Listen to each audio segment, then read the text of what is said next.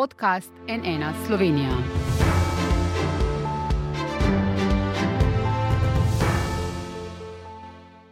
Dobr dan. To je drugo NN soočenje znotraj uradne volilne kampanje.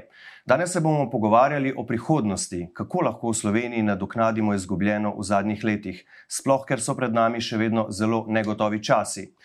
Z mano v studiu so Matej Tunin, Nova Slovenija, Robert Golob, Gibanje Svoboda, Aleš Hoj, Slovenska demokratska stranka in Tanja Fajon, Socialni demokrati. Lepo zdrav vsem, dobrodošli na NN. Dobar dan. Dan. Dan. Ampak preden gremo k temam, nekaj razčistimo. Gospod Golob, za delo ste ta teden rekli nekaj zaskrbljujočega, zelo zaskrbljujočega, da zunaj volilnega štaba komunicirate le po kriptiranih komunikacijskih kanalih, ker citiram: Nasprotnikom vladajoči kliki nočemo olajšati dostopa do internih komunikacij, prepričan sem, da nas poskušajo spremljati na vse mogoče načine, vključno z uporabo državnih institucij za politične namene. Konec citata. To je resna obtožba, gospod Golop, in seveda padec vseh demokratičnih standardov, eh, če vladajoči z opozicijo in tekmici na volitvah tako ravnajo. Eh, Tukaj stojita obramni notranji minister. Če razčistimo, o čem točno govorite?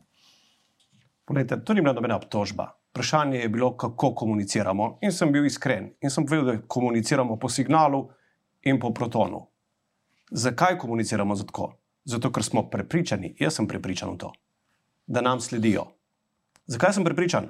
Pa moče pa imamo tudi mi kašnega človeka znotraj njihovih struktur ali pa simpatizerja, če hočete, ki nas o tem obvešča. Ga imate?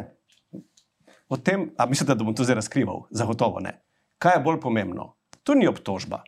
Žal živimo v taki državi in dajmo se začeti vsi samo zaščitno obnašati. To je vse.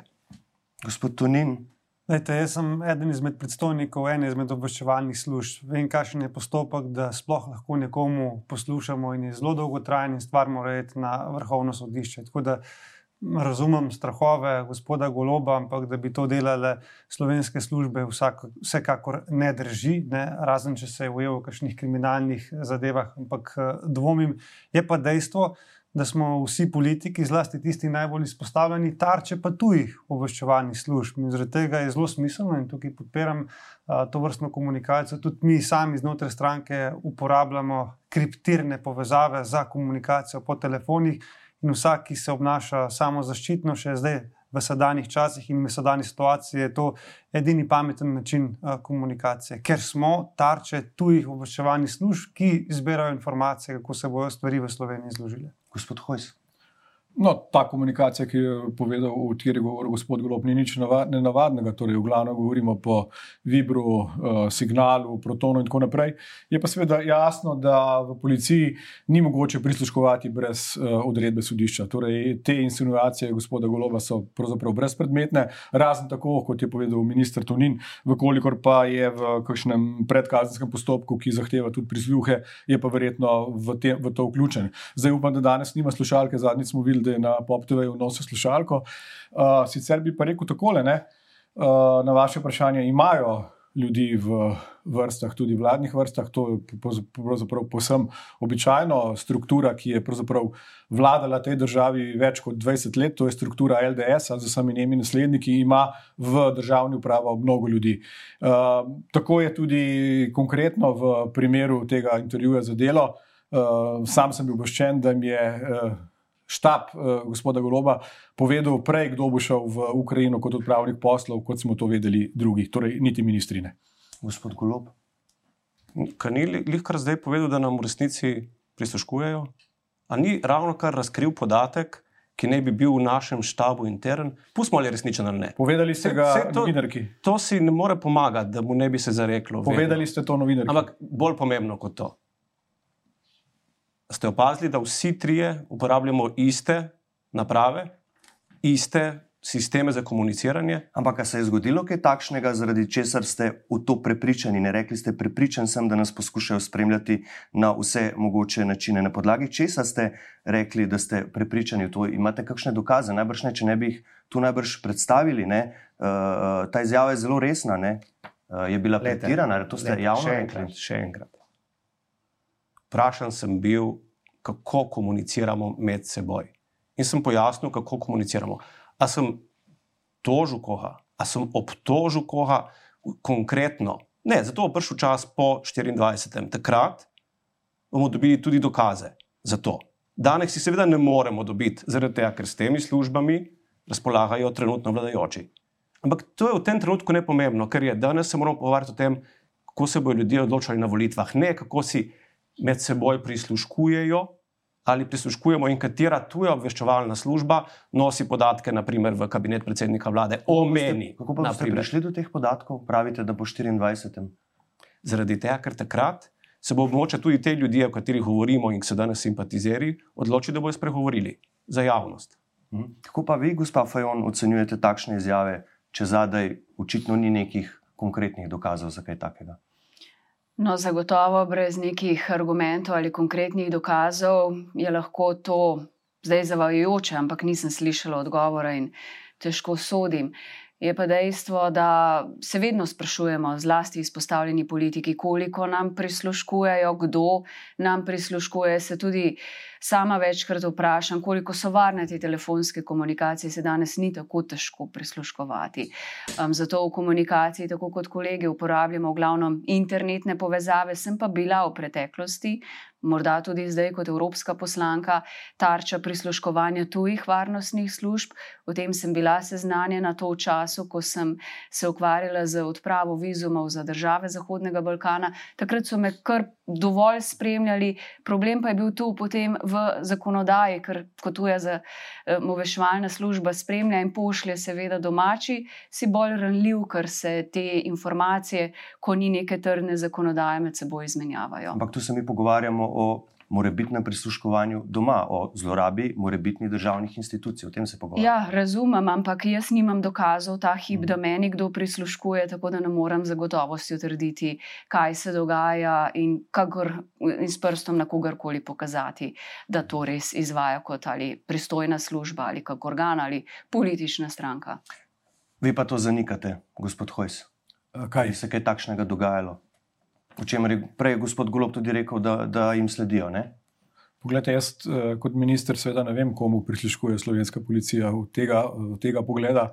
Kot minister niti ne morem imeti. Vem pa, da prisluškujejo zgolj tistim, za katere imajo ustrezne sodne odredbe. Če ima policija ustrezno sodno odredbo, sem pripričan, da ni izjeme, da prisluškujejo gospodu Golobu, meni ali komorkoli drugemu. Torej, vsi vatli so za vse enake. In tudi nadzorni mehanizmi so v Sloveniji tako robustni, da enostavno je toliko ljudi upletenih in mora toliko ljudi kljukic dati, če za nekaj ne bi bilo zakonske podlage, vam garantiram, da bi se v Sloveniji izvedelo naslednji dan. Tako da v Sloveniji se nekaj take, takšnega, kot se to morda dogaja na Balkanu, ne more dogajati, tega, ker so naši nadzorni mehanizmi popolnoma drugačni. Čeprav vaš vodja poslanske skupine, gospod Horvat, razlagal in kazal izpiske, da mu sledijo, pa se je izkazalo, da ni bilo Ne, tako. ni- ne, Samo ne, to me ni zanima. Tisto ni šlo gospod- za prisluhe, tisto je Za šlo- sledenje. Ne, ne, ne, ne, On je uporabil besedo sledenje. a, a, Če gremo Uporab- naprej, gospod uporabil je Golob, napačno vas ti- besedo, ampak šlo Mhm. pa ni za prisluhe, ampak je šlo za upoglede je. v evidenco. To je pa bistvena razlika, ali ima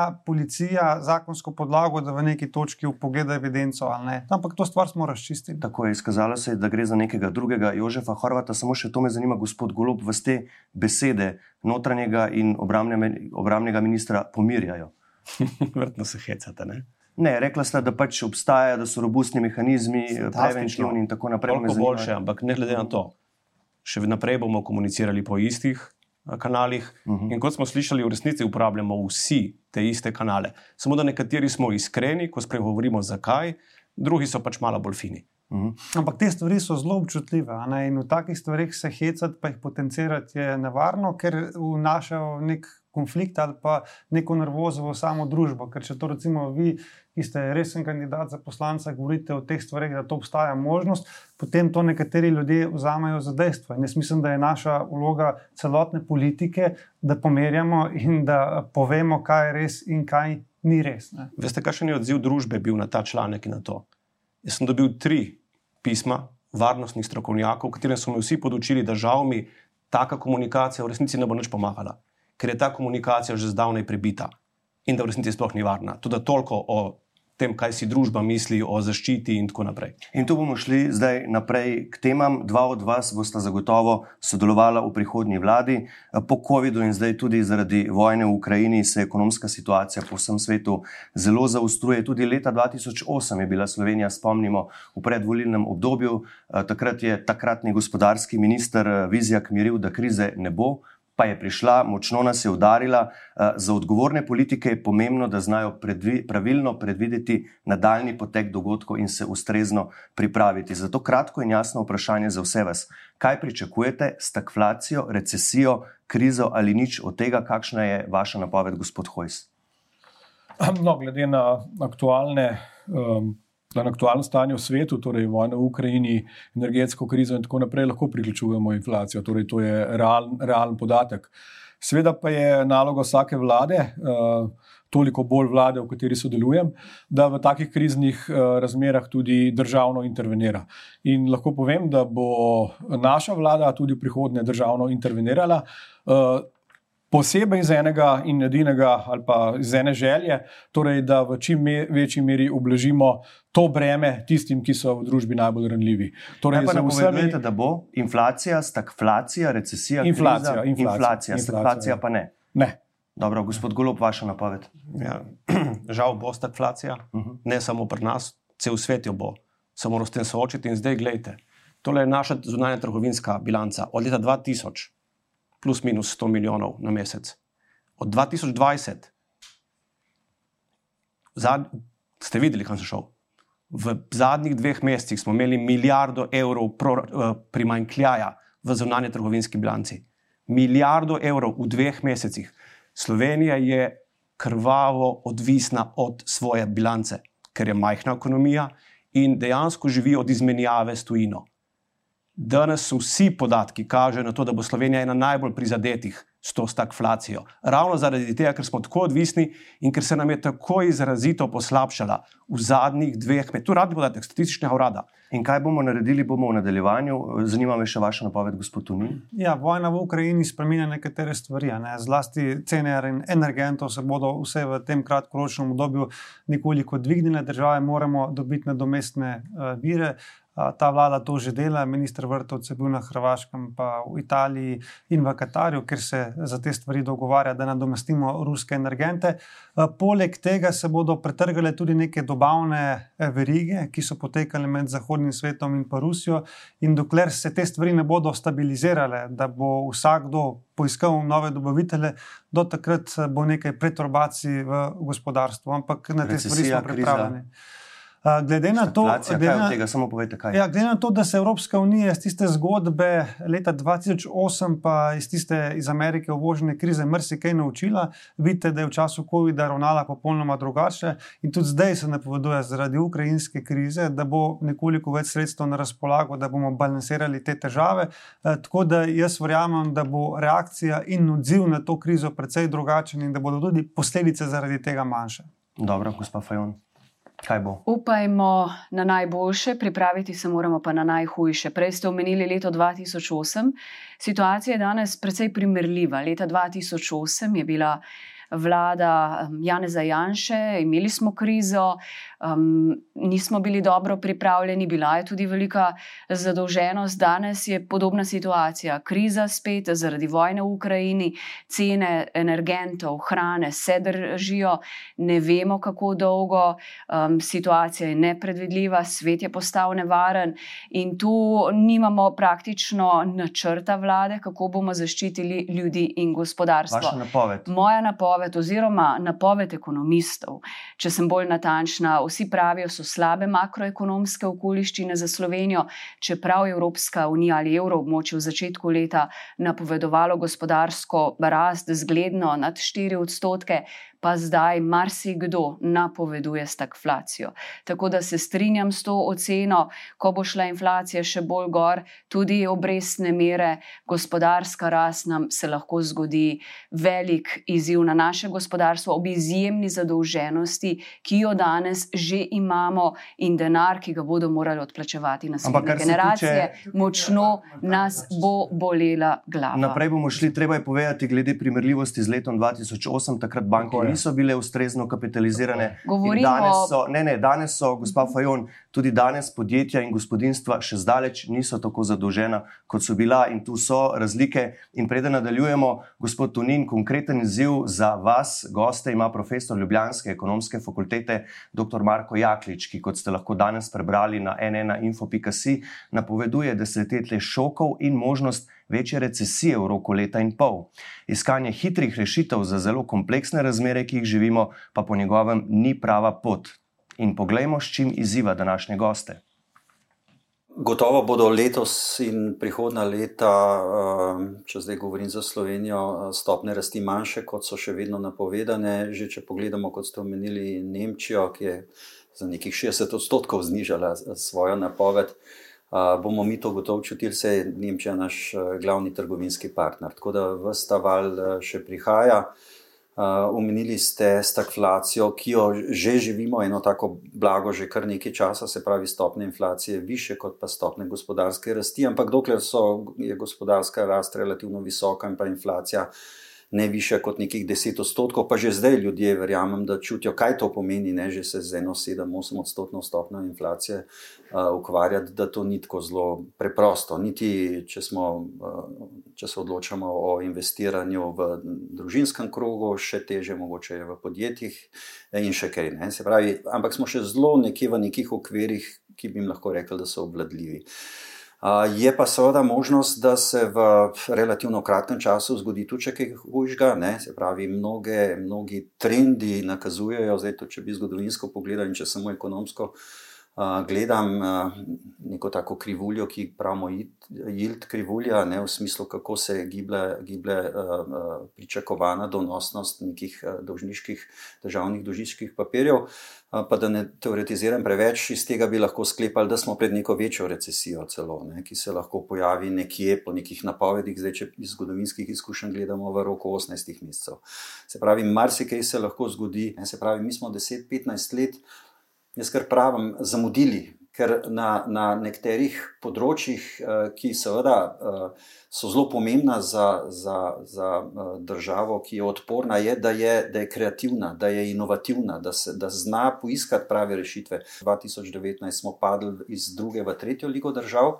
Evropskih, uh, uh, European Innovation Scoreboard je kazalec, ki ga tu omenjam, in to gotovo ni neki ko ste me vprašali, ali smo odporna družba. Ne, ta kazalec kaže, da smo relativno neodporna družba. Za cel svet in še posebej za Slovenijo bi rekel, da me straši, da, da v politiki nimamo pravega, kakovostnega, širokega vodstva. Se pravi, pravo tisto vodenje, ki bi nam lahko dalo tistim, ki mečkam širše ali pa globje tudi razmišljajo, da je da je tista. Zdaj, seveda, malo izzivam tudi uh, vaše občinstvo, se pravi, tudi politike, da, da me demantirajo. Najbolj bom vesel, če bom v prihodnih letih videl, da, da ne razmišljajo samo kako kratkoročne bombončke deliti, brez kakšnega dolgoročnega smisla. Ampak da bojo res sistemsko postavljali družbo, v katero bodo zaupali tako mladi in v tej družbi delali, živeli in dolgoročno, seveda, načrtovali tako svoje družine, kot še kaj. Ne? Slišali smo profesorja Jakliča, gospod Tunin, naštejte nam, prosim, tri ključne stvari, ki po vaši oceni voljivcem dokazujejo, da kot politik razmišljate globlje in na dolgi rok. Lejte, jaz mislim, da nam, hujšega, pravčujem, da nam hujšega v prihodnosti ne bo iz naslednjih razlogov. Prva stvar, ta kriza. Ne, ne, odgovorite mi na to, kar sem vas vprašal. Tri ključne stvari, ki po vaši oceni voljivcem dokazujejo, da kot politik razmišljate globlje in na dolgi rok. Vse to vam hočem povedati, če okay. mi boste dovoljeni. Uh, ena izmed stvari, ki jo moramo videti, in kdorkoli se s politiko ukvarja, to mora videti, da ta kriza in ta trenutna Evropa je drugačna, kot je bila una leta 2008. Tam je Evropa med sebojno tekmovala in je bila zelo trda razviti sever proti nerazvitemu jugu. Zdaj Evropa deluje kot enota in, enotna in tudi vse te reševalni mehanizmi in dodaten denar, ki ga pumpa v gospodarstvo, prispevajo. K temu, da ta kriza ne bo tako silovita, kot je bila v preteklosti. To je ena stvar. Druga stvar, naše gospodarstvo je izrazito vezano na države, ki so gospodarsko močne. Govorimo o Nemčiji in tudi zato bodo te posledice manjše. In tretja stvar, ker se pa kaže, se pravi, naš odnos do prihodnosti slovenske, je pa, da mora biti prihodna koalicija projektna, vključevalna, ne pa izključevalna. Da prihodna koalicija ne bo ideološka, ki bo gradila predvsem na revanšizmu, nacionalizaciji in pa višanju davkov, ampak da bo to predvsem koalicija, ki bo iskala skupne točke. Je čas pred volitvami in čas po volitvah. In po volitvah smo politične stranke dolžne iskati skupen imenovalec, zaradi tega, da bomo našli prave rešitve na vse te izzive, ki nas čakajo. Tudi v smislu delovanja političnega sistema je zelo pomembno, kakšna bo slovenska prihodnost. In to bomo vse v nadaljevanju še seveda obravnavali. Gospa Fajon je to, kar je naštel gospod Tunin, prava pot oziroma pravi način, prava vizija za to, da Slovenija prebrodi desetletje šokov, kot mu pravi profesor Jaklič, da se lahko razvije v inovativno in predvsem na krize odporno državo. Zagotovo je del, o katerem je govoril, kako mora biti naslednja vlada vključujoča, sodelovati. Jaz bi dodala še poslušati ljudi in pa civilno družbo, tista prava pot, da poslušamo tudi stroko, ne na zadnje. Ampak Zdaj, čem je se bistvena razlika ja? v strateškosti in no, jaz mislim, da je zelo vami? posplošeno reči, da, to, da smo neka opozicija ideološka, ki izgublja energijo. Glejte, v Sloveniji je marsikaj v zadnjih dveh letih šlo na robe. Ne bom rekla, da kaj ni bilo prav, ampak ko govorim na robe, da smo izgubljali ogromno energije z posegi v neodvisne institucije, v česar se tudi pozna, koliko je naša družba odporna in pripravljena. Lahko dam samo en primer. Z evropskimi sredstvi bi lahko našo družbo bistveno bolj pripravili na desetletni, dvajsetletni razvojni cikl večjih sprememb, z neko bolj ambiciozno sliko, kako zagotoviti zelen, pošten, pravičen prehod, digitalizacijo. Tu je bilo toliko parcialnih, malih stvari, brez širše razvojne slike, kako porabiti ta evropska sredstva, da bi po COVID-u zagotovili našo družbo bolj odporno. Poglejmo samo majhna, srednje, velika podjetja. Praktično so bila iz financiranja izpuščena in to so tista podjetja, ki v Sloveniji. Največ potrebujejo pomoč zdravega gospodarskega okolja in države. Zdaj, gospod Fajon, profesor Jaklič, seveda ni edini, ki resno opozarja na to, da Slovenija v zadnjih 10 do 15 letih ni izvedla nobene strukturne reforme. Če bi jih, bi bila bistveno bolj odporna na udarce iz zunanjega okolja. Uh, gospa Fajon, od vseh vas danes tu v studiu je bilo prav SD največ časa v vladi v zadnjih omenjenih letih. Kako naj vam volilec danes zaupa, da zdaj boste pa sposobni narediti to, česar v zadnjih več kot desetih letih niste bili? No, mi nismo bili samo enkrat v obdobju, smo bili na čelu vlade, sicer smo bili manjši koalicijski partnerji, ko omenjate za kolegi tu. Ampak jaz ne morem govoriti za preteklost in me tudi ta hip ne zanima. Lahko se kot predsednica stranke kaj naučim iz preteklosti in sem se veliko. Smo se pa tokrat izjemno dobro pripravili, tudi zaradi lekcij iz preteklosti. Pripravili bo, smo. Pripravili smo ja. načrt ja. z strokovno javnostjo, tudi kako obvladovati in pomagati ljudem in gospodarstvu z 240 strani za 10 let, za ne en mandat. Da, imamo ogromno stvari. Če mi lahko poveste, če boste v vladi. Tako da jaz mislim, da praktično redko katera stranka je danes tako dobro pripravljena na nove izzive. Um, Ampak povejte mi, katera bo, prva, ne, katera bo prva reforma, če boste v vladi in dokdaj jo boste izpeljali, naredili? Katera? Zdaj, vsakej oddaji nas sprašujejo, katera bo prva stvar, ki jo bomo naredili. Imamo že kar dolg spisek teh zakonov. Je to lahko zagotovo na eni strani dolgotrajna oskrba, na drugi strani stanovanska politika, stanovanja za mlade, potem RTV zakon za vrniti. Dodaj um, vse so takoj nujni roki, tudi ukinitev dopolnilnega zavarovanja, da se lotimo zagotavljanja javnega kakovostnega sistema. Marsikatere zakone imamo že spisane, nedavno nam je padel zakon o 10 tisoč javnih neprofitnih stanovanjih. Ustrajali bomo pri teh točkah, ki so ključne, pripravljene in pomagajo ljudem, ki so najbolj ranljivi. Dobro, gospod Hojs, katera bo prva reforma, če bo vlado vodila SDS in dokdaj jo boste naredili? No, naša prva reforma bo pravzaprav nadaljevanje tega, kar počnemo zdaj. Torej, mi bomo vsem tistim pridnim delovnim ljudem Slovenije, ki so v ogromni večini omogočili še v nadalje, da bodo zaslužili več, da bodo bolje živeli, da bodo prišli do lastnega stanovanja in pa seveda, da bomo v kar največji meri onemogočili to, kar se še vedno dogaja, to pa je seveda zloraba socialnih transferjev. Torej, naša prva reforma bo nikakor ne RTV, mimo grede, RTV zakon je sprejela uh, vlada uh, gospe Tanja Fajon. Uh, 15 let je bila v redu, oziroma primerna, sedaj, ko pa je tam neka sprememba, pa je uh, ta RTV pod uh, nekim. nekim rekel, zakon gospoda Grimsa. Prosim?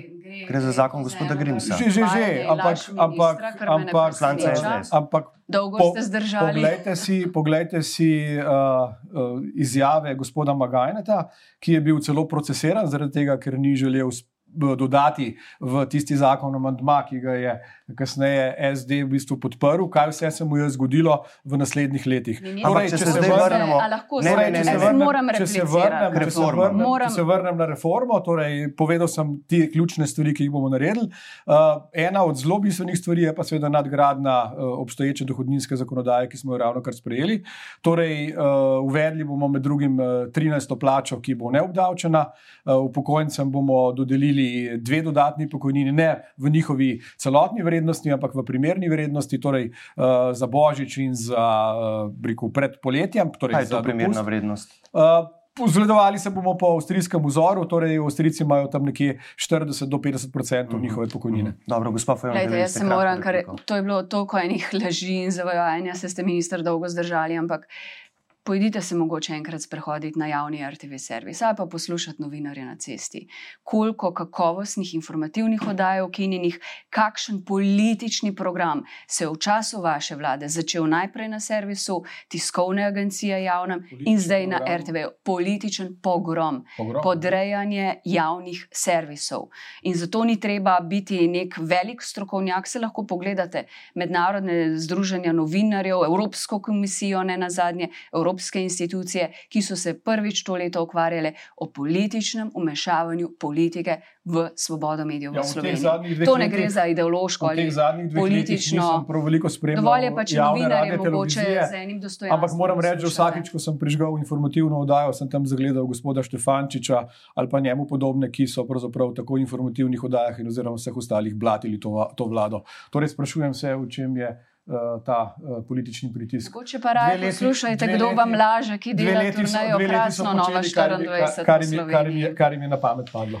Ja. Če gremo naprej, ne, ne, damo še gospodu. Jaz bi šel naprej, gospod Golob, kaj pa vi? Ne? Če se bodo ekonomske razmere zaostrovale in če se vrnemo nazaj k reformam. Ne? In vse kaže, da se te razmere bodo zaostrovale, verjetno ni mogoče izključiti nadaljnih intervencij države, kar bi lahko pomenilo tudi nadaljne zadolževanje. Ne? Manevrskega prostora morda ne bo veliko, zdaj smo tik pod 80 odstotki, sicer še čakamo zadnje uradne številke, ampak kako boste. Zadnje, zadnji podatek, gospod Tunin, je za tretje četrtletje 2021 in takrat je bilo 79,6. Zadnjega še ni, uradnega vprašanja pa za gospoda Goloba, torej kako boste to prebrodili, kar sem vam ravno kar opisal, če se zgodi. Polete, mislim, da je bilo izhodišče zelo dobro, profesor Jakliča. In to je, kaj bomo naredili, da bomo spremenili ustroj našega gospodarstva in našega ekonomskega sistema. Dvotirno moramo delati. Najprej si moramo zastaviti cilje do 2030. V našem programu imamo cilje do 2030. To so cilji, da, zato, da vemo, v katero smer hočemo iti. Potem pa moramo imeti konkretne projekte, ki se v resnici načrtujejo na tri-mesečni ali šest-mesečni bazi, nič več.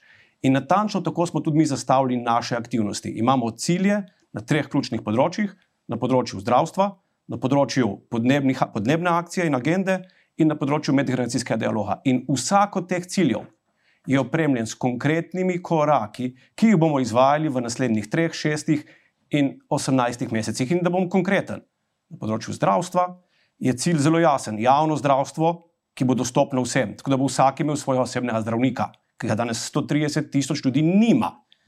In da čakalne vrste skrajšamo. Kako bomo do tega prišli? Sprijeli bomo interventni zakon v naslednjih 18 mesecih, s katerim bomo dodatno zagotovili sredstva, za prestrukturiranje zdravstvenega sistema, zato da bo bolj učinkovit. To je konkreten primer. Vam lahko dam primer medgeneracijskega dialoga. Enako.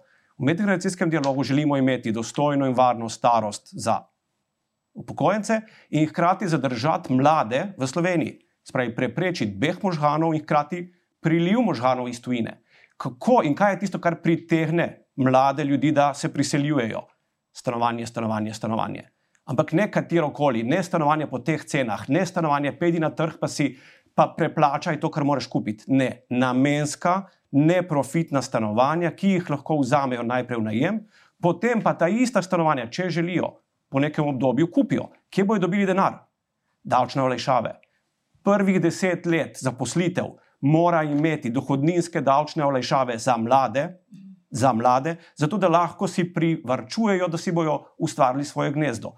To je način razmišljanja, ki je edini odporen na karkoli. Cilj mora biti visok, velik in daleč v prihodnosti, koraki se pa morajo prilagajati čemu? Konkretni, konkretni situacijam v svetu. In če smeva še na podnebno akcijo, ker te veste, da je meni najljubša, ravno kriza v Ukrajini nas uči. Vseeno je, odkje dobivamo plin. Iz Rusije smo ga dobivali, ker je bil najcenejši. Iz Katarja ga bomo dobili, ker bo malo bolj zanesljiv, pa bo precej dražji. Ampak kaj je pa odgovor, dolgoročni, za gospodinstva samo eden?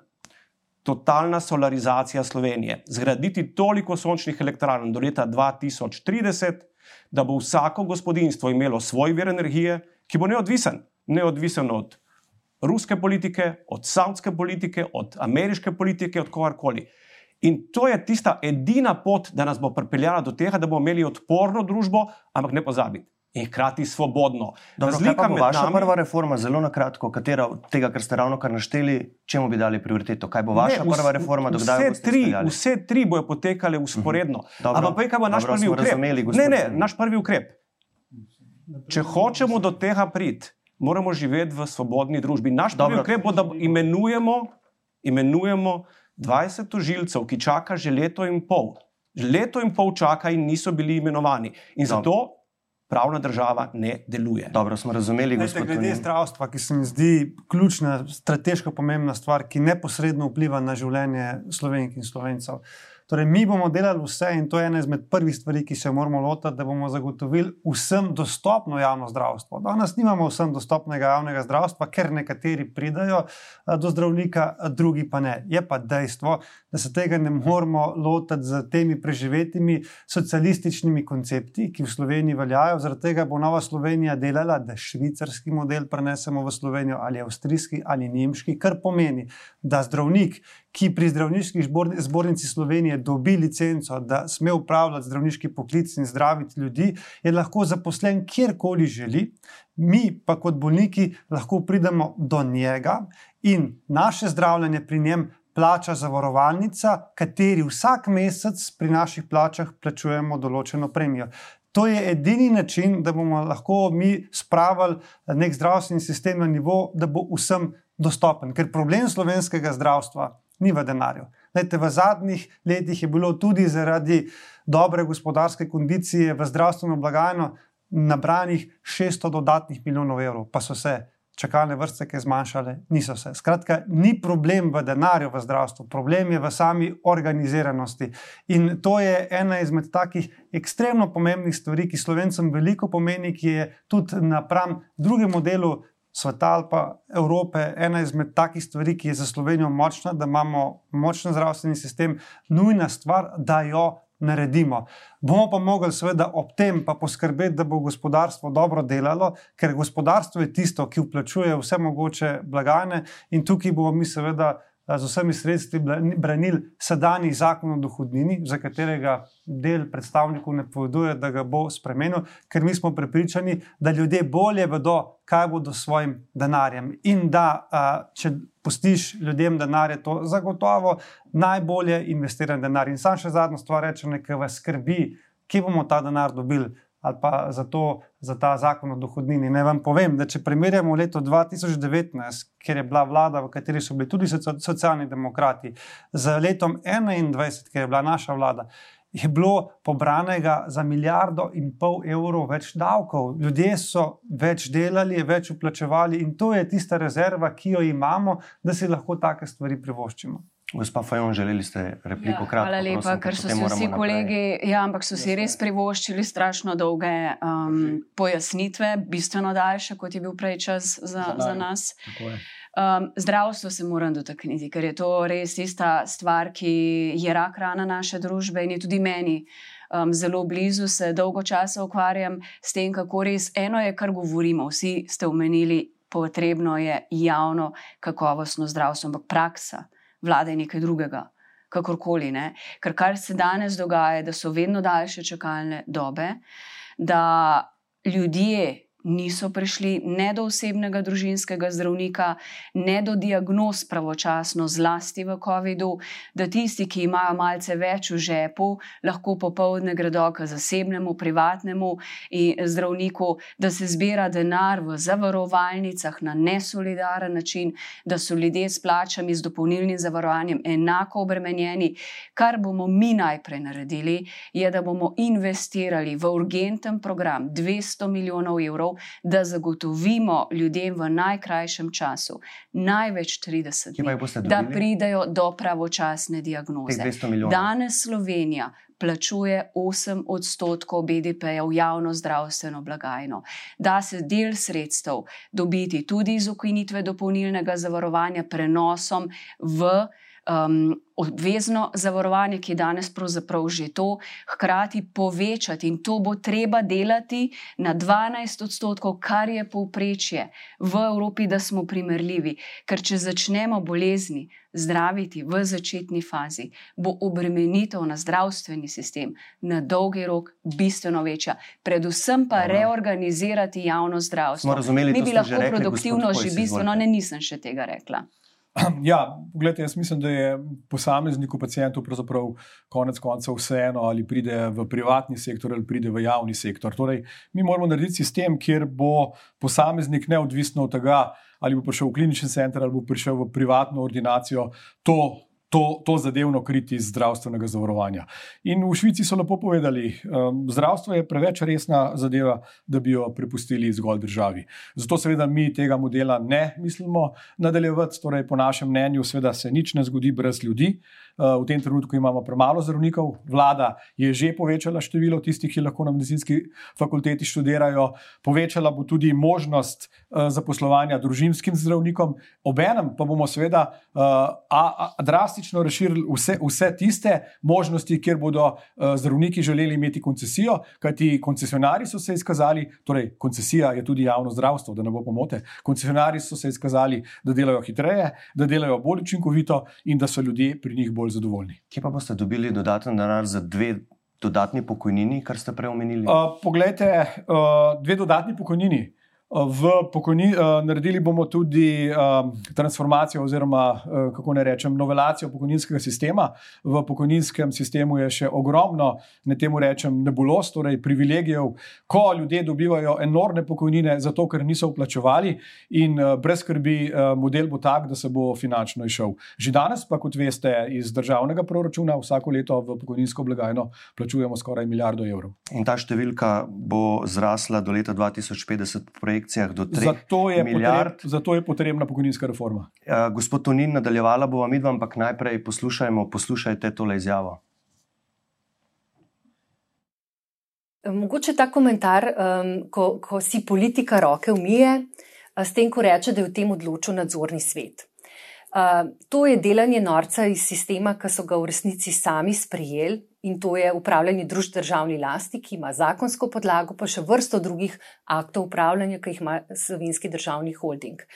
Dejstvo je, da če imaš, če se politika ne neha pri nadzornem svetu slovenskega državnega holdinga, ampak se nadaljuje v tudi nadzorne svete preko političnih kvot, pomeni, da uh, oni v resnici uh, se delajo norce iz sistema, ko rečejo, da politično imenovani nadzorniki potem delajo samostojno in neodvisno uh, in uh, da, da oni nimajo nad tem.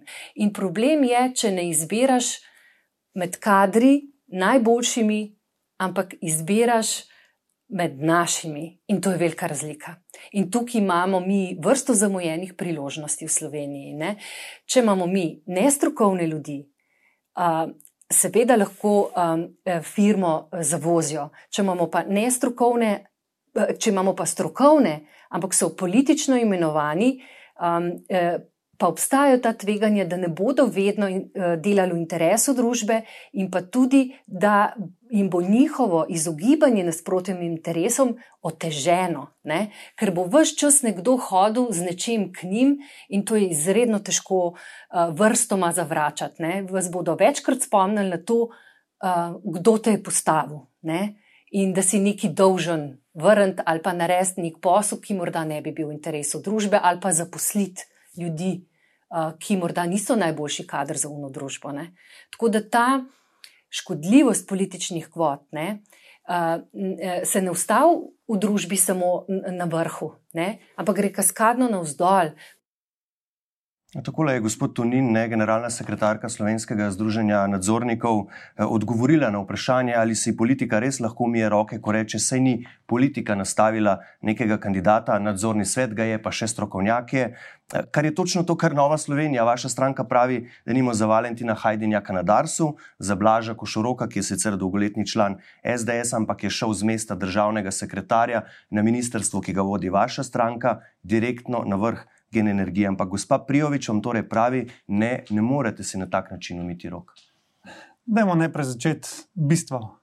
To je, da za vsakega človeka je ključno samo to, ali je sposoben, kompetenten in primeren, ne pa kakšnega političnega prepričanja. To je za nas osnova, ki se jo vse čas držimo. Država ima vpliv na podjetja, katere lastnike preko slovenskega državnega holdinga, ker v slovenski državni holding imenuje nadzornike in tukaj so imenovani v parlamentu, je neposreden vpliv politike. V tu dalje pa nadzorniki delajo sami. In zdaj, če bi jaz kot politik kamorkoli posegel, bi seveda kršil zakone. Hkrati imamo pa. Zakonodajo, ki pravi, da nadzorniki odgovarjajo z vsem svojim premoženjem. In jaz bi si želel, da se nehamo pogovarjati o tem, kdo je kakšnega političnega prepričanja, ampak kako kdo upravlja svoje delo. Če imajo, če imajo te ljudje pripombo na določenega posameznika, naj ga izpostavijo in je ta človek oziroma ta član nadzornega sveta ali pa nekega upravnega organa družbe tudi odgovarja. Edini na takšen način bomo prišli do odgovornosti. In še ena stvar, ki se nam Novi Sloveniji učita, mi smo zelo jasno povedali, da za nestrateške stvari, ne, nestrateške stvari je prav, da dobijo odgovornega lastnika. Strateške stvari, kot so pa energetika, kot je tudi infrastruktura, je pa prav, da ostanejo v slovenski državni lasti. In tukaj se tam politika nima kaj sprenevedati in more postaviti odgovorne in kompetentne ljudi. In za Novo Slovenijo to lahko mirno rečem, da nimam nobene slabe vesti, da kjerkoli smo imeli vpliv, smo nastavili, postavili kompetentne in kvalitetne ljudi. Ampak to je sistem, roko roko umije, gospod Tunin. Gospa Prijovič je to lepo opisala, lahko je nekdo strokovnjak, ampak če je politično nastavljen, lahko vedno nekdo iz politike pride k njemu in reče: Vse sem te jaz nastavil, zdaj boš pa naredil ta in ta posel tako, ali pa zaposlil te in te naše prijatelje. In to ni nujno vedno v interesu podjetja. Se vam to res zdi prav? Poglejte, eh, nisem jaz ali pa nismo mi Zoran Jankovič ali pa to ne rob, ki bi govoril, kdo je koga nastavil. Nam ni nihče odgovoren, odgovorni pa so podjetjem, družbam, nadzornikom, kjer upravljajo svoje delo. In dajmo se vrniti na izhodišče, povejte, kateri so ljudje, ki slabo upravljajo svoje delo. Poglejmo rezultate teh podjetij. Lejte, že vse čas se ukvarjamo s tem, kdo je koga nastavil. Dajmo se pogovarjati o rezultatih teh družb, ali so boljši od prejšnje garniture ali slabši. To so pravo. Ampak, gledajte, gospod Tunin, če bi se držali smernic OECD, ne bi se tako gospod Hajdinjak, kot tudi gospod Košorok, recimo, slednji primer bi se moral pol leta ohlajati. Ne? Temu se tako reče, da bi šest mesecev minilo od odhoda z funkcije funkcionarja na funkcijo šefa državnega podjetja, ne pa da je šel z položaja, kjer je imel politično moč direktno v državno podjetje, ker so to korupcijska tveganja. Po drugi strani pa poznamo primer, ko vas sedanji način političnega kadrovanja eh, v kvotah, ko vas je v bistvu zelo zmotil. Ne? Nadzornik iz vaše kvote na pošti Slovenije je odstopil, ker se ni strinjal z imenovanjem Tomaža Kokota za generalnega direktorja. Pošta češ, da nima kompetenc. Ne? In to je bil celo primer, ker sta se vaša stranka, NSI in SDS, član katere je gospod Kokot, sporekli. Ne? Torej, naj, vprašanje je, ali naj tudi naslednja vlada ohrani tak način korporativnega upravljanja, ali je vendarle treba karkoli popraviti. Še enkrat, vi zdaj insinuirate, da imamo mi na vse te ljudi vpliv. Pa ga nimamo. Ne, Edina ne, jaz vam stvar, govorim, kakšne so smernice OECD. Ja, jaz vam pa povem, da smernice OECD so takšne, da smo mogli ustanoviti posebno družbo, ki upravlja z državnim premoženjem, in to je bilo v preteklosti narejeno z Avkenem, ki se je potem razvil naprej. Naš edini vpliv, ki ga imamo neposredno kot stranka in smo ga tudi izkoristili, je, da smo postavili v parlamentu nadzornika SDH-ja in tam se naš vpliv konča. In če od bo- tu dalje, od tu dalje je odgovornost nadzornikov in te ljudje, ki ste jih vzpostavili. Uh, to vi pravite, da so v kvoti Nove Slovenije. Za me je bistveno samo to, ali nekdo upravlja svoje delo kompetentno in dobro, ali ne. Torej, In zanikate, kakšni- da bi bili. In kakšni, seveda, zanikam, in kakšni so rezultati, in kakšni so rezultati teh podjetij. Dobro. Gospod Golob, kaj boste vi, če prevzamete vlado, naredili s kadri, ki so v času te vlade dobili položaje? Ne? Ker po naših informacijah so nekateri ljudje, imenovani v času te vlade, že dobili sporočilo, da jim bodo letele glave, če vlado prevzamete vi. Se to dogaja z vašo vednostjo, gospod Golob? Ne, še več. Jaz vedno povem, da kdorkoli se predstavlja, in fajn, da ste to odpr odprli, kdorkoli se predstavlja v mojem imenu danes in ali obljublja ali grozi, laže. Hm? Torej, zlorablja Ker- vaše ime. to Točno tako. reči. In sem tudi sam slišal, da hodijo, celo posle si nabirajo nekateri. Uh -huh. In to ljudje, s katerimi nisem v življenju imel ničesar. Ampak to je tako enostavno, ampak to ni zdaj ta debata. Bolj pomembna debata je, eno so besede, drugo so dejanja. In jaz sem bom uporabil sta- stavek, ki sem ga že večkrat. Uh, predsednik NSI-ja vedno zanika, da bi imel NSI karkoli pri kadrovanju, ampak kot po čudežu se vedno znajdejo njegovi ljudje in samo njegovi ljudje na pravih mestih v zadnjih 12 mesecih. Pa njegov minister je bil tisti, ki je v kamero napovedal, da bojo te stvari izvajali vnaprej. Ampak vse je nepomembno. Ja, pa dajte dva, pomembno- tri naštet. Dajte. Poskusite dva, tri naštet, ki jih Pa je kadrovana Direktno, Nova Slovenija. direktno iz ministrstva, pa vse ste se so vam povedali, vse vam je novinar povedal. Direktno iz ministrstva ste imenovali Rožac v Luko Koper in direktno iz ministrstva ste imenovali Košaroka v Gen Energijo. A ni dovolj? A ni dovolj? Mi smo imenovali. Gospod Golob, mi smo imenovali, kaj Nova Slovenija jih je imenovala. Potek zakon. Okej, okej. Toliko časa delate v gospodarstvu, da bi to moral vedeti, da jih Nova Slovenija ni imenovala. In da tudi gospod A lahko Košorok- Košaroku povem da, besedi? tu, in, in, da ga bom tudi, hvalil. sam to, in da tudi da gospod Košorok ni član Nove Slovenije, ne, to je treba zelo jasno povedati. že prej povedal. Je pa, je pa velik govorite- strokovnjak z področja energetike, ampak očitno po vaše, če je nekdo napačnega političnega prepričanja, ni važno, je strokovnjak, kako kompetenten je. Če je napačnega političnega prepričanja, v tej državi očitno ne bi smel početi nič. In proti temu se borimo, proti temu revanšizmu, da se ljudje ne presoja po njihovi sposobnosti, ampak po njihovem političnem prepričanju. Povedali. O revanšizmu govorite vi, ki ste zamenjali vse, kar se je dalo. Ampak ok, gremo naprej. No, to pa ni res. Gospod vas je od zamenjali, vseh, od ne. vseh, Vam je mandat potekel. vse ne govorimo o meni. Ne, Zakaj ste govor- tako obremenjeni s tem? Nis, egotripom? nisem obremenjen, ampak treba je govoriti resnico. In mi nismo ljudem menjali. Eh, Prvič, Nova Slovenija jih ni menjala in niti ne ta vlada, so pa nekaterim ljudem potekali mandati. Ja, veste, ne, ko bo, če boste ne, vodo vlado, boste videli, imate na koncu točko, kjer so administrativne zadeve. In se na vsaki vladi imenuje celo vrsto ljudi. Pa veste, zakaj? Boste Zato, ker mandate. pokazali listo, da ne bom jaz govoril, da laže. Boste vi to naredili? Izvolite, gospod Golob, da Dajte, odgovorite. gospodu gospoda Toniu. Košeroka konkretno. On seveda se giblje po energetiki že 20 let, absolutno drži. Bil je tudi v, na, generalni direktor HSE, tudi to je vse res. Ampak o jedrski energiji, pa žal, gospod Košerok niti nima pojma, niti ga verjetno nikoli ne bo imel. In kaj se je zgodilo v gen energiji? To je drugi energetski stebr, ki ima pred sabo najpomembnejšo investicijo, to je izgradnja, potencijalna izgradnja drugega bloka jedrske energije, jedrskega, uh, jedrske elektrarne.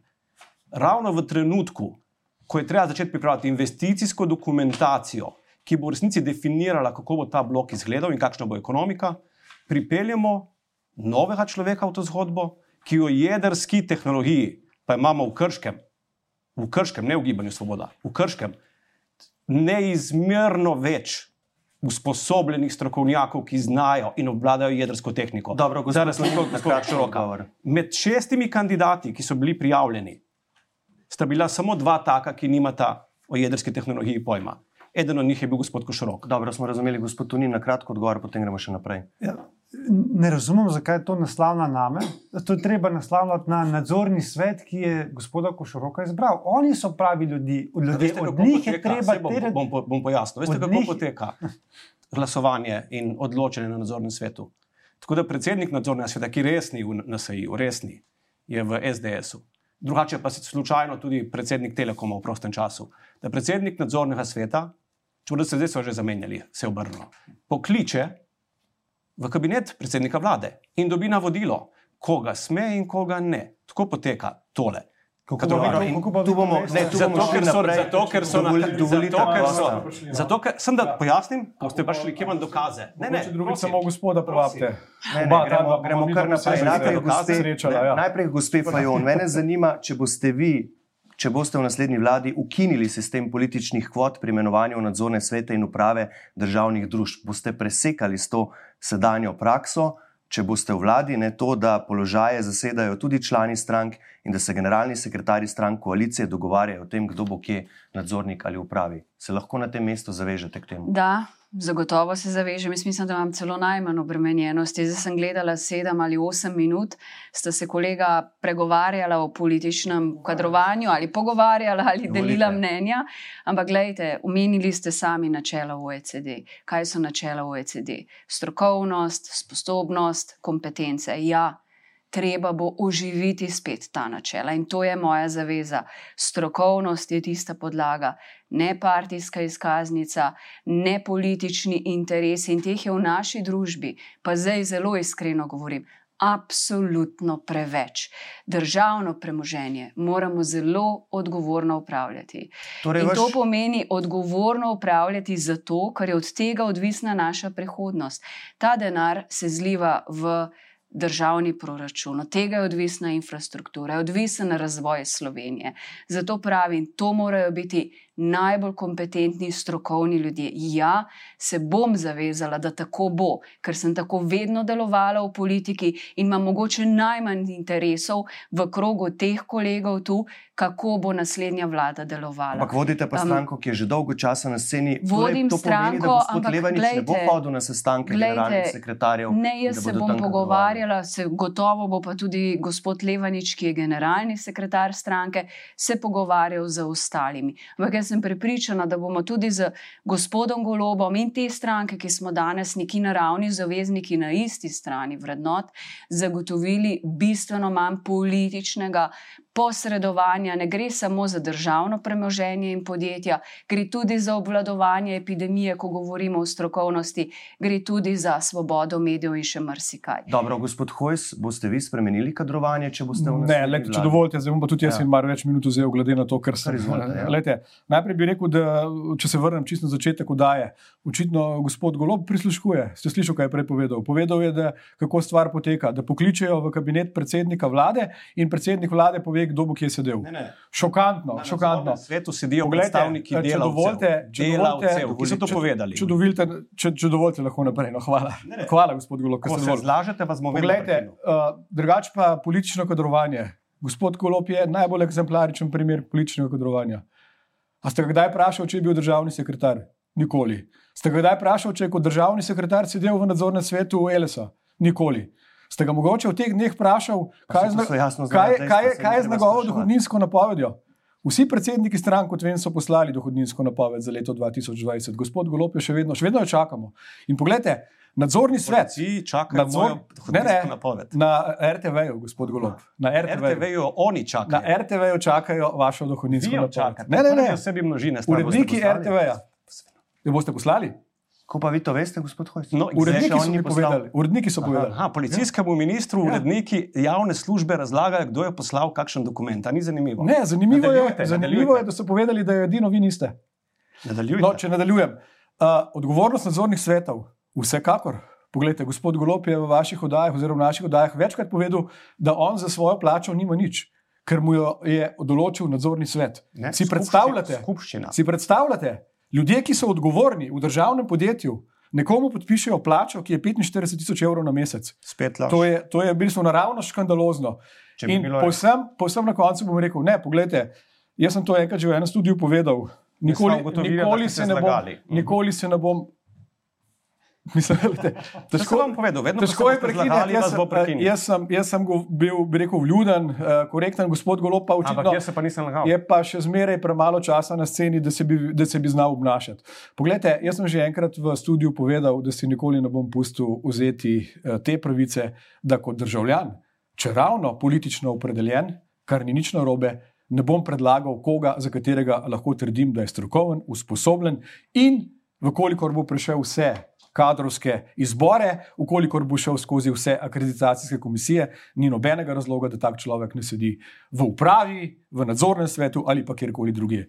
Torej, nehajmo se sprenevedati, nehajmo se sprenevedati, tako je povedal gospod ministr Tunina. Najbolj, najbolj, najbolj, najbolj exemplarični primer političnega kognovanja je gospod Jankovič ker je predsednik vlade povedal, da je gospoda Jankoviča nastopil, gospod uh, Golob pa je pravzaprav samo nekaj recidiv gospoda Jankoviča. Pa če gremo tu, je treba omeniti zadnji primer, gospod Hojs. Ne? Komisija za preprečevanje korupcije je včeraj objavila pravnomočno odločitev, da se je premijer Janša znašel v konfliktu interesov in je torej kršil zakon o integriteti in preprečevanju korupcije, ko se ni izločil iz odločanja vlade o imenovanju svojega odvetnika Francija Matoza za neizvršnega direktorja družbe za upravljanje terjatov bank, torej slabe banke. V SDS po eni strani poudarjate, da je videz nepristranskosti silno pomemben, na drugi strani pa KPK jasno zapiše, da obstaja vsaj videz, da je bil Matos imenovan zato, ker je Janša odvetnik in ne zato, ker je to v javnem interesu. Zgodilo se ni nič, so torej to dvojna merila, gospod Hojs. Kaj pa ne bi se zgodilo? Kakršne koli posledice. Po... Kakšne? Po tem, kar pove KPK. KPK, torej, če vas KPK, prav razumemo, ne poznate te odločitve. Ne, ne, ne, KPK daje načelna mnenja. Hmm. Zdaj pa so na, na, na vrsti drugi organi, da bodo stvar, ukolikor je pač nezakonita ali kakršno koli drugače, sprocesirali. Spomnite se eh, glasovanja gospe Alenke Bratušek. Ona je glasovala sama zase ne za nekoga drugega, sama zase je glasovala za to, da bo postala evropska komisarka. In, no, mimo, pa... grede, in mimo grede, če dovolite, ja. ta isti KPK se ni odzval v primeru. Bajnih zaslužkov gospoda Vesela na računskem sodišču, kot veste, je tam zaslužil, mislim, da po 200 tisoč evrov po podanskem fušu. Jaz sicer mislim, da je delal to, pa je bolj kot predsednik, kot predsednik računskega sodišča fušal.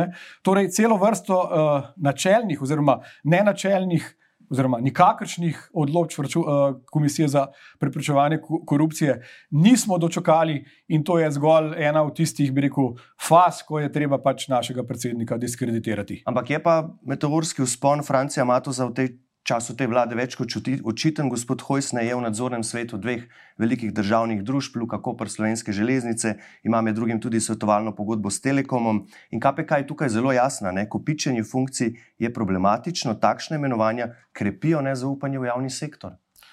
No, ne, jaz mislim, da.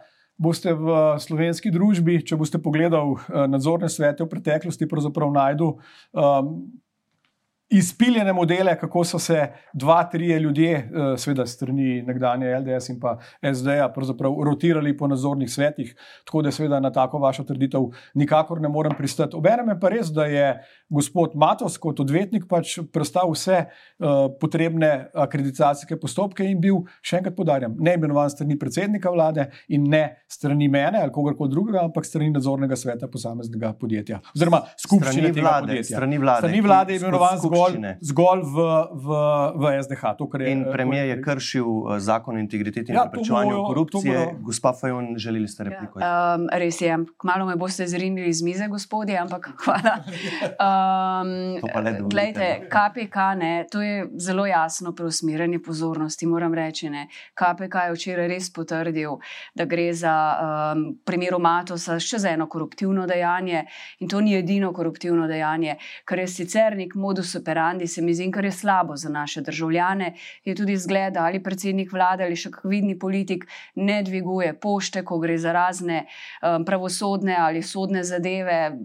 Saj neki praks imam tudi sama, ko gre za predsednika vlade, pa še koga zraven. Ampak poglejmo še tudi, kaj se je zgodilo v vseh teh obsežnih kadrovanjih, ki so bila omenjena. Pet pred dvanajsto, če rečem, začenja se volivna, oziroma smo tik pred volitvami, je vlada naredila razpis za. Um, Zdaj mislim, da je včeraj bilo 77, pred kratkim še ali 160, koliko zaposlitev v javnem sektorju za nedoločen Niso čas. Za nedoločen čas, gospod Fajon. Večinoma so, večinoma so za nedoločen čas, tudi ne z um, nekimi kvalifikacijami. Zakaj? Zato, da se zdaj še na hitro zapolni mesta. V javnem sektorju. To je žal dejstvo. In največ zaposlitev je bilo v času te vlade v javnem sektorju in političnih. Ampak to je počela tudi kakšna druga vlada, da je na ja, koncu govorim največ, govorim največ, največ. Vse Hojs. številke povedo. Mislim, to, to, to, to In to je slabo, kar je za našo družbo, ker bi morali imeti politiki interes, da delamo v interesu ljudi, Dobro, ne pa zase. In žal mi je, da je tako. Poglejte, to so popolne neumnosti. Nihče se v javnem sektorju ne more zaposliti, če ne ustreza pogojem, ki so splošno znani, torej upisani v sistemizaciji. No, Nikogar ne morete zaposliti, če tistim zahtevam, ki so tam določene, uh, ne izpolnjuje pogojev. Mimo grede bi vas posebno upomnil uh, ali pa vas vprašal, gospa Fajonova, uh, rekla ste, da je KPK odločilo, da je to koruptivno dejanje. Da je v naskrižju Piše, da je interesov. Ja? koruptivno dejanje. Ne gre Še za jaz- ne gre za Aha, kaznivo no, dejanje, pravim, da gre za jaz pravim- Zavrtite- zavrtite- zavrtite posnetek nazaj, jaz pravim, da gre za koruptivno dejanje. Aha, vi pravite to. Jaz A, to pravim. pa je. Pravi pa KPK, da je naslednji korak korupcije in tu bomo šli zdaj naprej, spoštovani gostje, da je tudi reforma korporativnega upravljanja nujna oziroma da bi bilo dovolj, če bi se držali že obstoječih pravil in smernic, ne opozarjajo zgolj v Združenju nadzornikov in v KPK-ju, ampak tudi v Gospodarski zbornici, Združenju menedžer, MČM-u in Združenju bank Slovenije. Predsednik uprave NLB Blaž Brodnjak v njihovem imenu trdi, tako kot se je vladalo doslej, ko se lovi 46. glas, ko je vlada šipka in zato ne more speljati nujnih reform, ne gre več naprej. Zato poziva k oblikovanju velike programske koalicije po volitvah. Poglejmo. Programska koalicija. Ne? E, Idealno je, da seveda se povežejo velike stranke, zato ker je potreben trden mandat. To mislim seveda, da ne more biti naprejšnjega izključevanja. Ne? Vnaprejšnje izključevanje ni v skladu z trajnostnimi pogledi na ta svet, vključenost ne, vseh v neke družbene odločitve je osnovni aksijom, postulat, ne, izhodišče trajnostnega pogleda na svet. Ne, Na drugi strani pa seveda to pomeni, da bo verjetno kakšne ekstremne poglede treba pa kljub vsemu dati stran. Ne. In tu govorim seveda o ekstremno levičarskih, pa ekstremno desničarskih. Ne. Verjetno bo treba iskati neko srednjo pot in če trdnega mandata ni mogoče dobiti z, z neko ideološko linijo, ker se vidimo, da smo razklani na pol ne, in potem iščemo 45 oziroma 46 glas, na ta način ni mogoče vladati. Dokazano v zadnjih letih. Nismo mogli vladati. Nobenega resnega zakona nismo ne v prejšnji vladi, ne v sedanji vladi uspeli izpeljati. Nekaj seveda je bilo, ne, ukrepov izvedenih, ampak tisto, kar je bilo res na mizi potrebno ne, in kar smo, smo, up, na kar smo upali, da se bo zgodilo, se ni zgodilo, ker so bili mandati prešipki. In zdaj, če bomo spet soočeni s podobno okoliščino, da bomo se tu lovili okrog enega ali dveh glasov, se tega ne moremo privoščiti preprosto. Spet bomo izgubili štiri leta in s tem ne bomo naslovili zgodovinske priložnosti globalnega premika nabavnih verig. To se zgodi taka priložnost enkrat na sto let. In bo šlo mimo nas. Ne? Zato se mi zdi, da je zdaj pa res skrajni čas, da jim zelo odgovorno, odločno povemo, da ne pričakujemo, ampak zahtevamo, da se pa tokrat priložnosti naslovijo. Slišali smo, gospa Fajon, gospod Golop, vnaprejšnje izključevanje ni skladno s trajnostnimi pogledi na svet, pravi Blaž Brodnjak. Vi dva, oziroma vajni stranki, sta naprej, vnaprej izključili vse stranke sedanje koalicije, čeprav ima to, kot smo že videli, lahko visoko ceno. Vlade so šipkejše in zato niso sposobne izvesti nujnih strukturnih reform. To sta pripravljena žrtvovati, najprej gospa Fajon. Absolutno bomo strmeli k temu, da se stavimo stabilno vlado po 24. aprilu in vlado, ki bo vključujoča, sodelovala z gospodarstvom in s civilno družbo. Ta vlada, zdaj zakaj pravimo, da je to sodelovanje s trenutno vladajočo stranko ali koalicijskimi partnerji nemogoče, je zato, ker ne gre vse samo, kako se naslavlja gospodarske izzive, pomaga ljudem in gospodarstvu, mimo grede. Akcijskega načrta še vedno ni sa strani vlade, ampak gre tudi za to, ta vlada, po mojem trdnem prepričanju, ni veliko krat spoštovala zakonov in ustave, tudi po indeksih mednarodnih lestvic. In danes je Eurobarometer razkril, da so ljudje nezadovoljni nad stanjem demokracije in pravne države.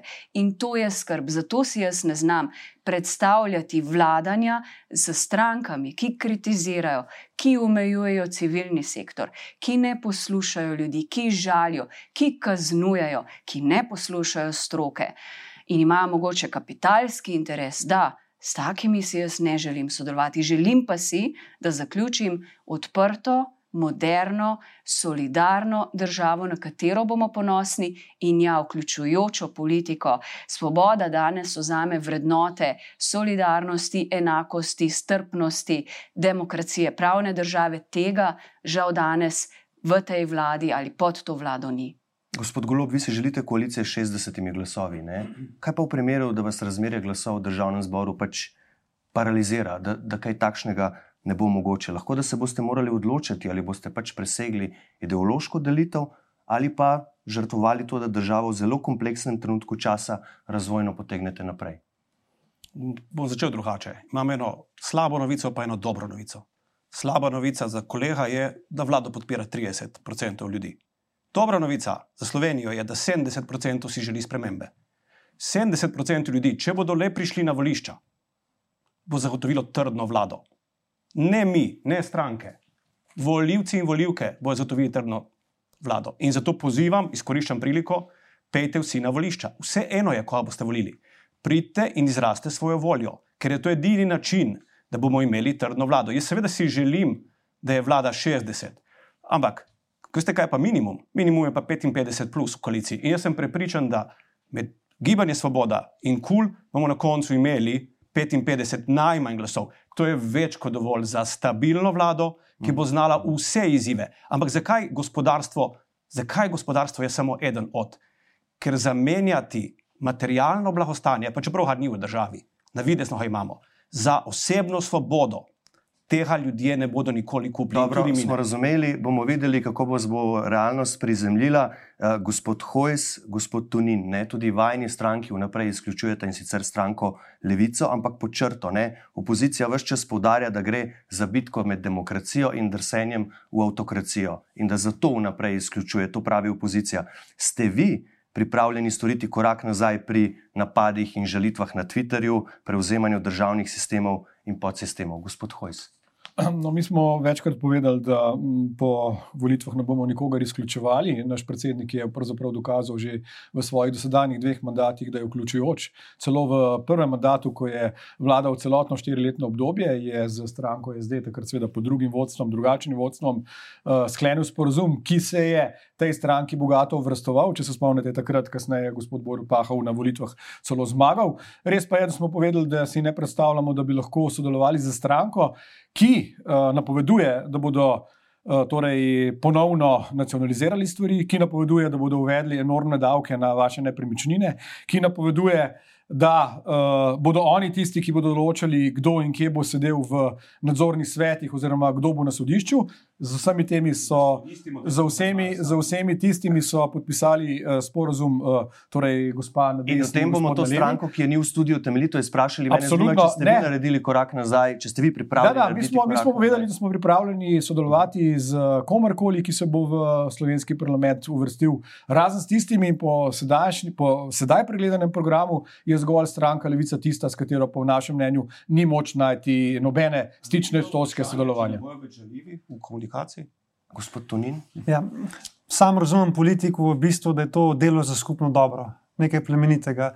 In v politiki ni prostora za zamere ker na moj račun je bilo tudi strani koalicijskih stvari, tudi uh, kolega Hoj se na moj račun marsikatero trdo izrekel. Slišali ste ga iz stranke. Uh, recimo, ne, prav, so bili. Znamo sodelovati tudi potem. So, bili, so bile zelo trde besede, ampak okay. hočem povedati to, da v politiki ni prostor za zamere, ker v, v spredu je vendarle skupno dobro za našo domovino in v takih trenutkih moraš pozabiti na osebne zamere in iti naprej. In katera koli stranka si ože nek koalicijski potencial, pač si dela sama sebi problem. Je pa še eno dejstvo. Ali ste pripravljeni storiti korak nazaj, glede tega, kar opozicija opozarja? Lej, Jaz mislim, da če smo odkriti, poglejte ministersko ekipo Nove Slovenije, dela kvalitetno, učinkovito v naših komunikacijah, smo dostojni. Če pogledate naše poslance, ampak ste pa tiho, če kaj takšnega počnejo ministri ne, največje vladne lejte, stranke. Lejte, mi imamo drugačen pristop. Mi nismo koalicijska stranka, da bi na pločnikih pred vlado razlagala, kaj je narobe v tej koaliciji. Mi smo stranka, ki koalicijskim partnerjem v obraz pove, kaj jih moti in na koalicijskih sestankih poskuša doseči spremembe. Ker, lejte, jaz razumem, da smo mi ekipa enajstih nogometnih igralcev in da če hočemo zabijati gole, potem moramo na igrišču sodelovati. V garderobi se moramo pa pomeniti, kaj je kdo delal napake in kako naše delovanje lahko še izboljšamo. In še ena zelo pomenljiva stvar je, da mi smo zelo različni, lahko da se tudi zelo ne maramo, ne? Ampak dejstvo je, da bomo mogli v tej državi še nekaj časa skupaj živeti, da bomo mogli to državo skupaj upravljati in lažje nam bo in boljše bo za državo, če bomo sodelovali, kot pa se izključevali. In videli bomo, kako boste zmožni sodelovanja po volitvah, ki bodo 24.4. Takrat bodo odločili ljudje, za danes pa spoštovani gostje, gospod Fajon, gospod Hojs, gospod Golob, gospod Tunin. Najlepša hvala, da ste prišli na NN. Prosim. Hvala vam. Hvala pa tudi vam, seveda, za vašo pozornost. Mi se v naslednjem predvoljenem soočenju na NN vidimo prihodnji torek. Če ste soočenje morda zamudili, si ga lahko v celoti že ogledate na naši spletni strani nnainfo.si. Obiščite tudi našo posebno volilno podstran, kjer najdete vse informacije o strankah, o tem, kdo kje kandidira in druge zanimivosti. Tam pa boste našli tudi vsa pretekla soočenja. Iz studija le še lepo zdrav in nasvidenje.